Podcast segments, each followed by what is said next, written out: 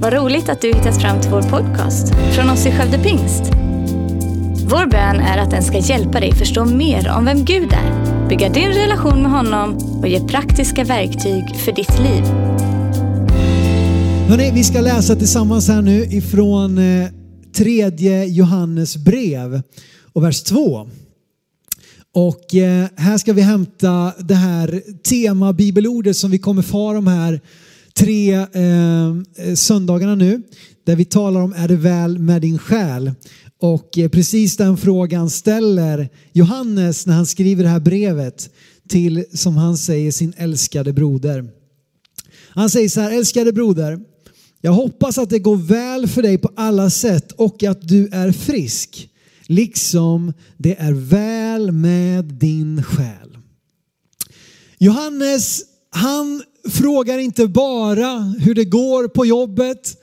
Han frågar inte bara om han är frisk, han undrar också, är det väl med din själ?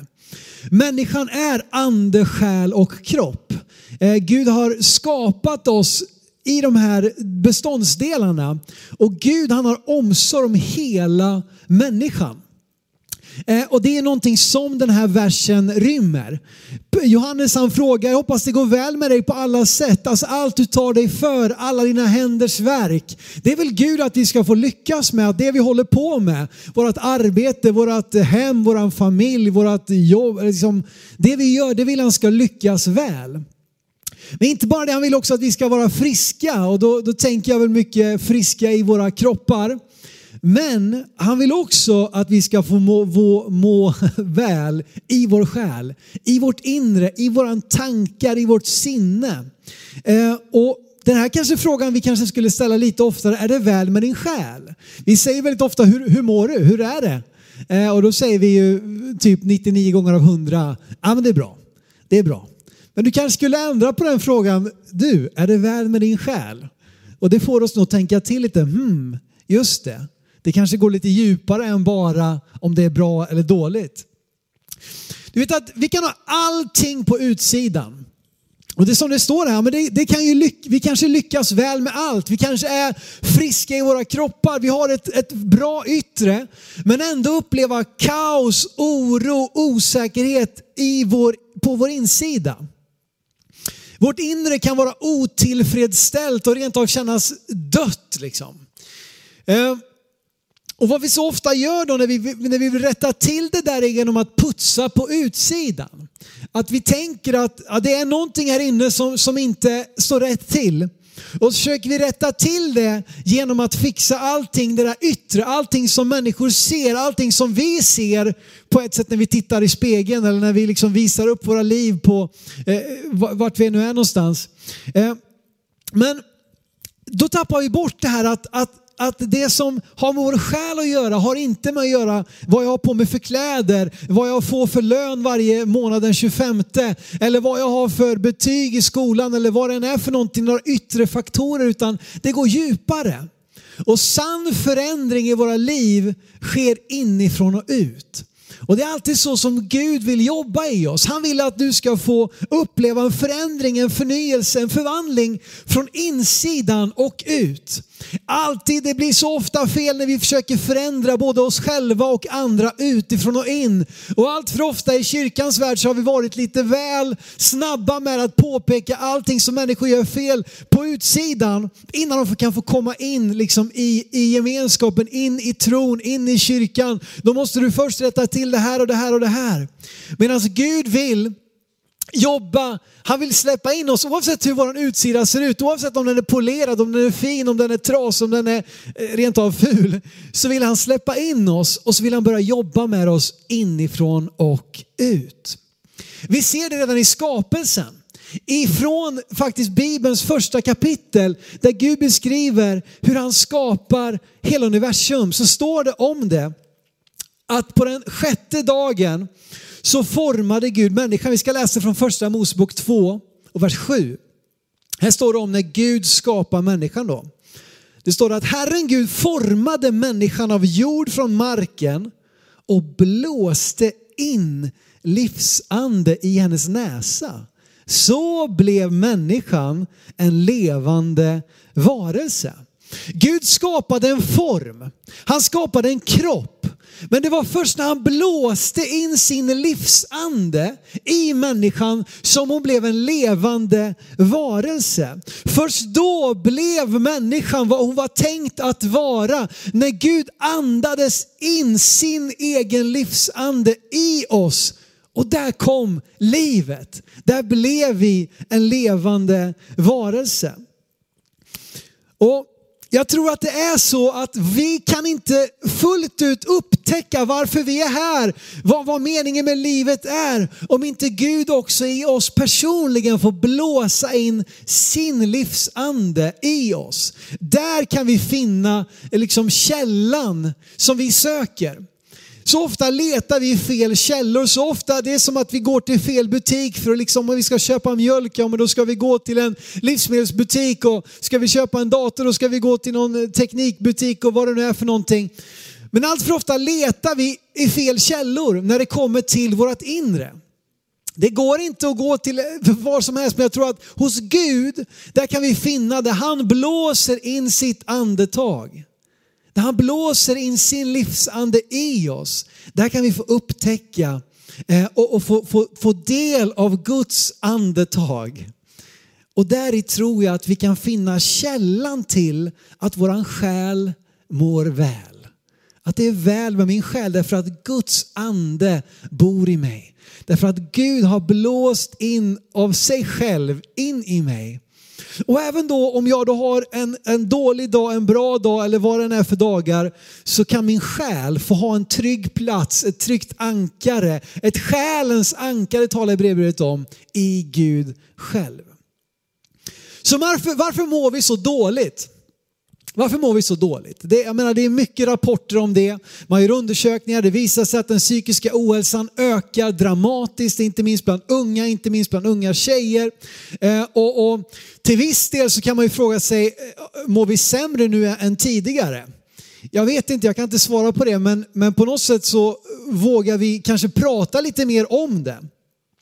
Men just den här frågan ställer sig eh, två stycken läkare som heter David Eberhard och eh, Stefan Einhorn. David Eberhard han är överläkare i psykiatri. Han har en podd som jag får rekommendera, en podcast som heter Hälsa för ohälsosamma. Där samtalar han med experter inom allt som har med hälsa att göra. Bland annat ett samtal med Stefan Einhorn som är läkare och författare till en bok som heter Konsten att vara snäll. Och vet du inte alls vad det är så vet du inte det, men det är en ganska berömd bok i alla fall. De har ett samtal där, varför mår vi så dåligt egentligen?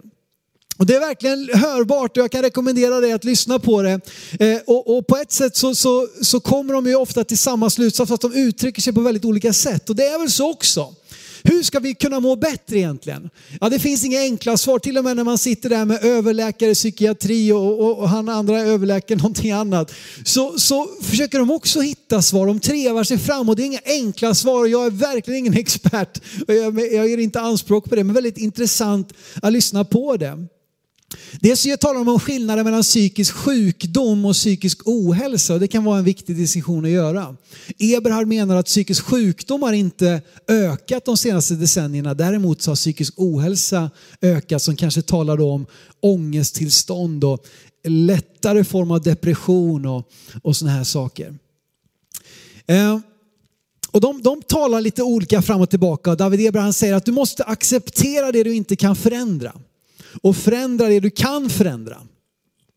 Och han menar då på att, att känslorna, som det vi känner, det kan vi inte förändra, men vi kan förändra vad vi tänker. Så han är inne på att du kan inte ändra dina känslor, men du kan ändra hur du tänker och om du lyckas ändra hur du tänker så kommer du i syvende sist också ändra hur du känner. Stefan Einhorn tycker att det där är lite för enkelt att säga. Han säger låt tankarna komma. Låt, låt de här känslorna komma, men låt dem sen passera och försvinna in i dimmorna. Om du säger stopp, du får inte känna så här, stopp, du får inte tänka så här, ja vad kommer vi göra då? Om vi säger tänk inte på en rosa elefant, vad gör du då? Du tänker på en rosa elefant.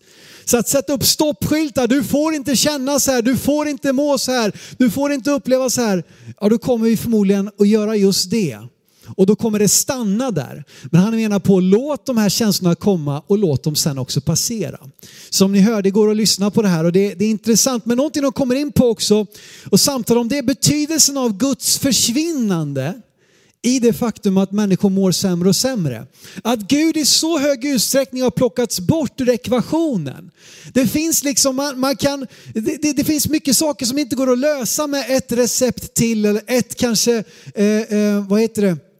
Samtal till eller en session till, ett gott råd till. Det finns saker som det inte räcker till för allt det där är gott. Vi behöver liksom sjukvårdens hjälp men de pratar om det finns ändå många människor som inte det räcker till för. Och då är de inne på att, att, att, tidigare när man kunde faktiskt hänvisa till Gud och ta Gud på allvar så var det en tillflykt som kunde hjälpa människor ut som inte fann sina svar i allt det här som de försökte leta i. Och när man tar bort från människan möjligheten att söka en tillflykt i tron på Gud så gör man en stor otjänst mot människan. Det finns så mycket i oss där det inte går, om det bara handlar om mig själv, om jag bara ska söka svaren i mig själv, så, så blir det väldigt jobbigt. För här i mig själv så finns alla de här jobbiga tankarna, ångesten, depressionen. Och om det bara är jag som ska fixa det genom att ändra mina tankar, ändra mina vanor, ändra mina känslor, då räcker jag inte till. Men om vi kunde faktiskt ta hjälp av Gud. Och det är väldigt intressant att höra de här två tala om hur, hur, hur lyckat faktiskt i de fallen när man, har använt, när man använder Gud som tolvstegsprogrammet till exempel är ju något som hjälper missbrukare ut ur sitt missbruk som bygger väldigt starkt på kristna grunder och värderingar. Och deras resonemang går helt i linje med första Mosebok 2. Att det var när Guds livs, låste in, andades in sin livsande det var då människan blev en levande varelse. Det var där människan blev det hon var tänkt att vara. Gud förstår vårt känsloliv bättre än någon annan. Han har skapat dig och mig med förmågan att känna, med förmågan att tänka, med förmågan att vara. Och Gud blir inte nervös över hur du mår. Gud tänker inte nej. Har hon, känner hon så här? Nej. Mår hon så här? Nej. Nej, han, han vet det. Och vi behöver skapa en miljö där vi faktiskt är trygga med att berätta hur det är. Där vi är trygga med att säga jag mår inte bra. Jag kämpar med det här utan att bli dömda, utan att bli utstötta, utan att bli sedda som svaga. Och jag skulle vilja resonera för att det faktiskt kanske tvärtom är ett, ett, tecken på styrka att våga visa sårbarhet. Så när du tänker, jag kan inte berätta, för tänk om, om hon bara förstår, om han bara vet hur jag mår och vad jag tänker för tankar, då kommer de tycka att jag är världens idiot och att jag är sämst av alla. Men tänk, tänk om det tvärtom är så att förmågan att våga berätta visar på en styrka och kan hjälpa både dig och andra. För så ofta så hjälper det ganska mycket att bara få berätta för någon. Någon som kan lyssna, någon som kan bry sig, någon som kan höra, inte komma med två enkla svar till hur det kommer bli bättre, men som bara kan finnas där och dela den här bördan. Du vet, det är vanligare än vad vi tror allt det här. Vi kanske lever med en bild, ja, det är liksom, eh, ja, de som, ja, det finns de som är liksom psykisk sjukdom, det är liksom här borta, det är, det är få, få människor som kämpar med det. Och psykisk ohälsa, det är nog bara någon modegrej nu liksom. Det är någon fluga här som är, som är igång och surrar. Men det är så mycket vanligare än vad vi tror. Och även om du inte själv kämpar med det så kan jag lova dig att det finns någon i din närhet som gör det oavsett du vet det eller inte. Vi behöver säga som det är. Jag predikade på det temat här i vårt ungdomsmöte Reclaim här tidigare på året, att säg som det är.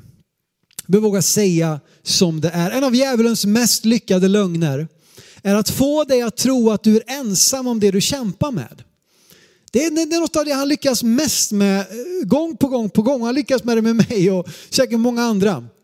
Det är bara du som tänker så här. Det är bara du som känner så här. Det är bara ert äktenskap som är så här. Det är bara du som tycker att det är jobbigt att vara förälder. Det är bara du som tycker det är tråkigt att vara ensam. Alltså du vet, vi får de här, vi köper de här lögnerna och eftersom att det bara är jag så kan jag inte berätta för någon annan för det vore ju pinsamt, det vore ju skämmigt. Men om vi bara vågar öppna upp oss så inser vi att hallå, vi kämpar alla med olika varianter av samma utmaningar. Och då är det faktiskt så att en delad börda blir lättare att bära. Min syster Sandra, min äldsta syster, hon lever med psykisk sjukdom. Hon har varit ganska öppen med det sista åren, inte minst på sina sociala medier. Hon har fått diagnosen bipolär 2. Hon skulle varit här idag och stora delar av den här predikan skulle varit ett samtal mellan henne och mig där vi pratar om just det här att leva med detta och samtidigt ha en tro på Gud. Och hur, hur det har påverkat henne att våga öppna upp, att våga erkänna för sig själv och också för andra att jag behöver hjälp eller jag kämpar med det här. Allting är inte precis som det borde vara. Vi hade förberett samtalet men så kände hon häromdagen att, att det blev för mycket, det blev för mycket ångest eh, liksom laddat. Och det säger väl egentligen en hel del det också. Att det är ju så, man vill kanske så mycket, hon ville vara här för att få berätta och dela med sig att det kanske kunde hjälpa någon annan. Men samtidigt så kommer den här ångesten som är verklig eh, och som gör att man inte orkar. Men hon sa också, men använd gärna mig som ett exempel. Det är för att jag vill att min berättelse ska få hjälpa och styrka andra. Och sen hon har berättat om det här så har även min mamma börjat berätta om, om vad hon har gått igenom. Eh, saker som jag inte vetat om därför att det är, det är ingenting man pratar om. Det är ingenting man säger att ja, men jag kämpade med det här i min ungdom eller jag kämpade med det här när jag fick mitt andra barn och så vidare. Men när vi väl öppnar upp så inser vi att vi är många som, som bär på det här, som brottas med det här. Och vi kan hjälpa varandra i det.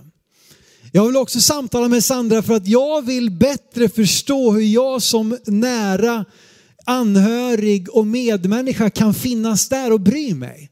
Och jag måste erkänna att, att, att, att det nog inte en av, har inte varit en av mina starka sidor för att mitt humör, mitt temperament, mitt känsloliv, det går lite så här. Det är inte liksom de här dalarna och topparna.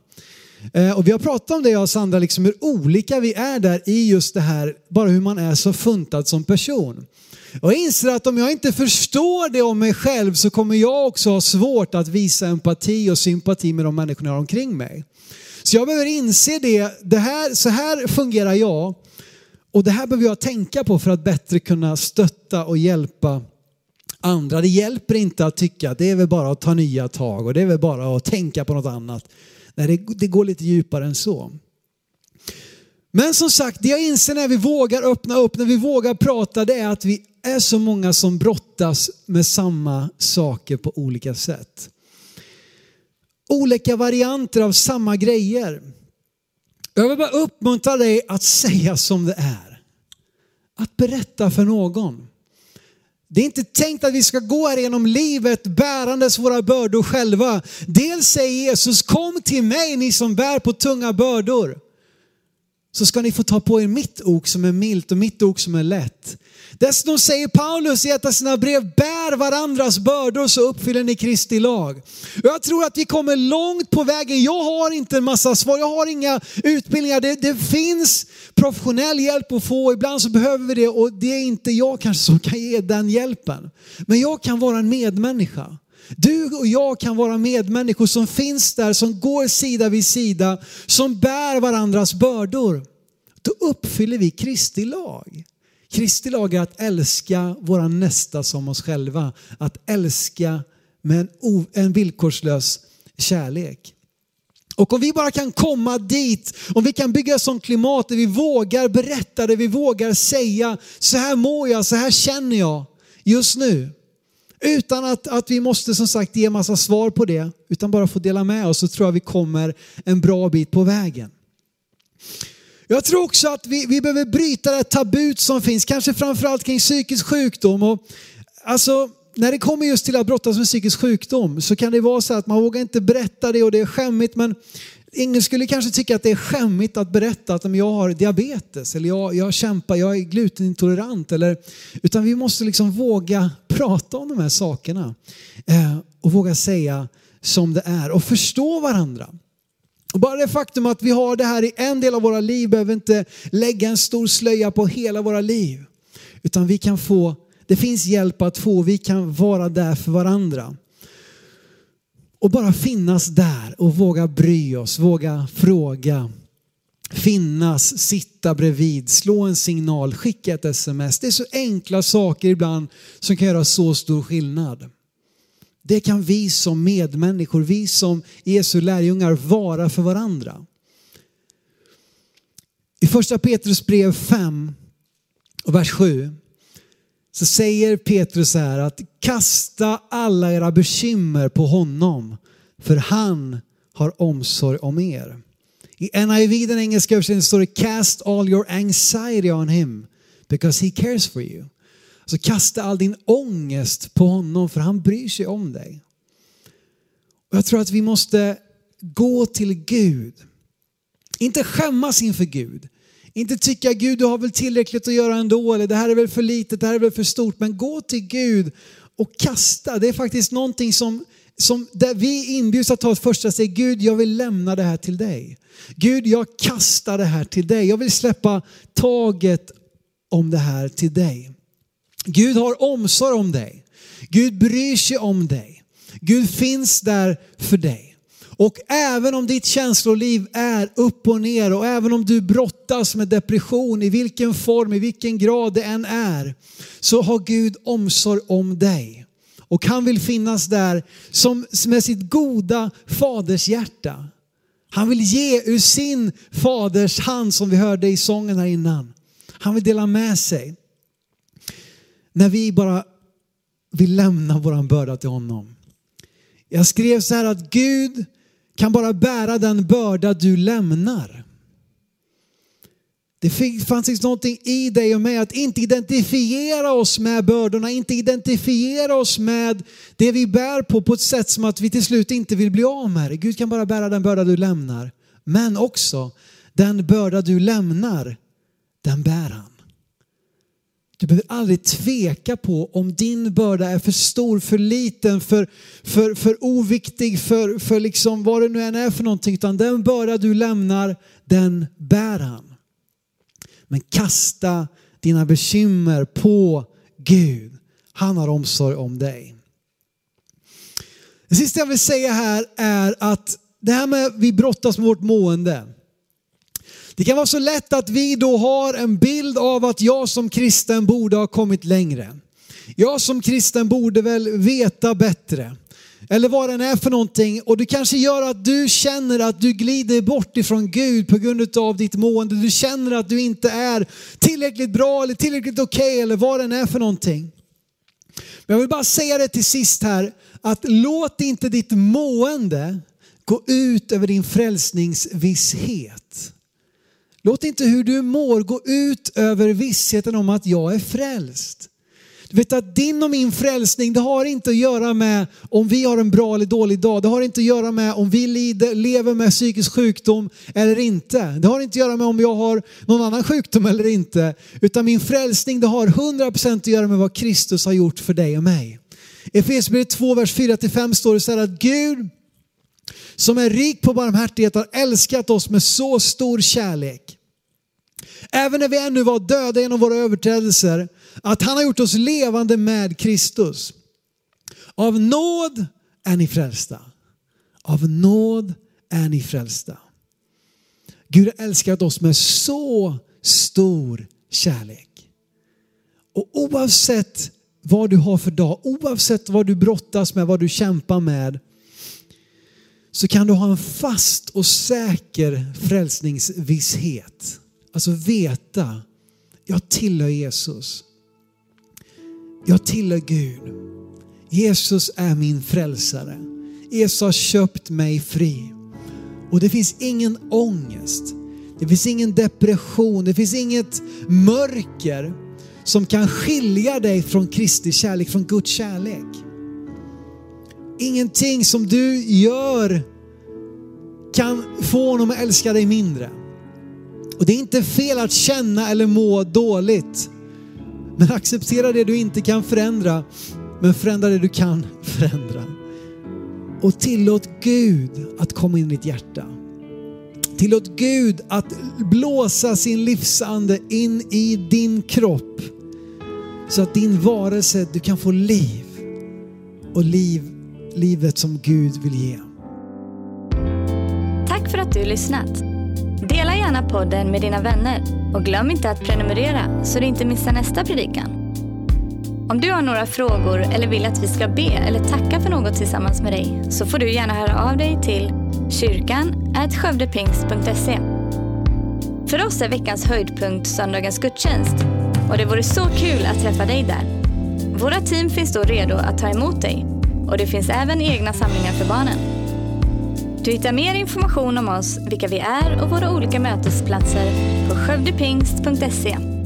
Gud välsigne dig och ha en fortsatt bra vecka.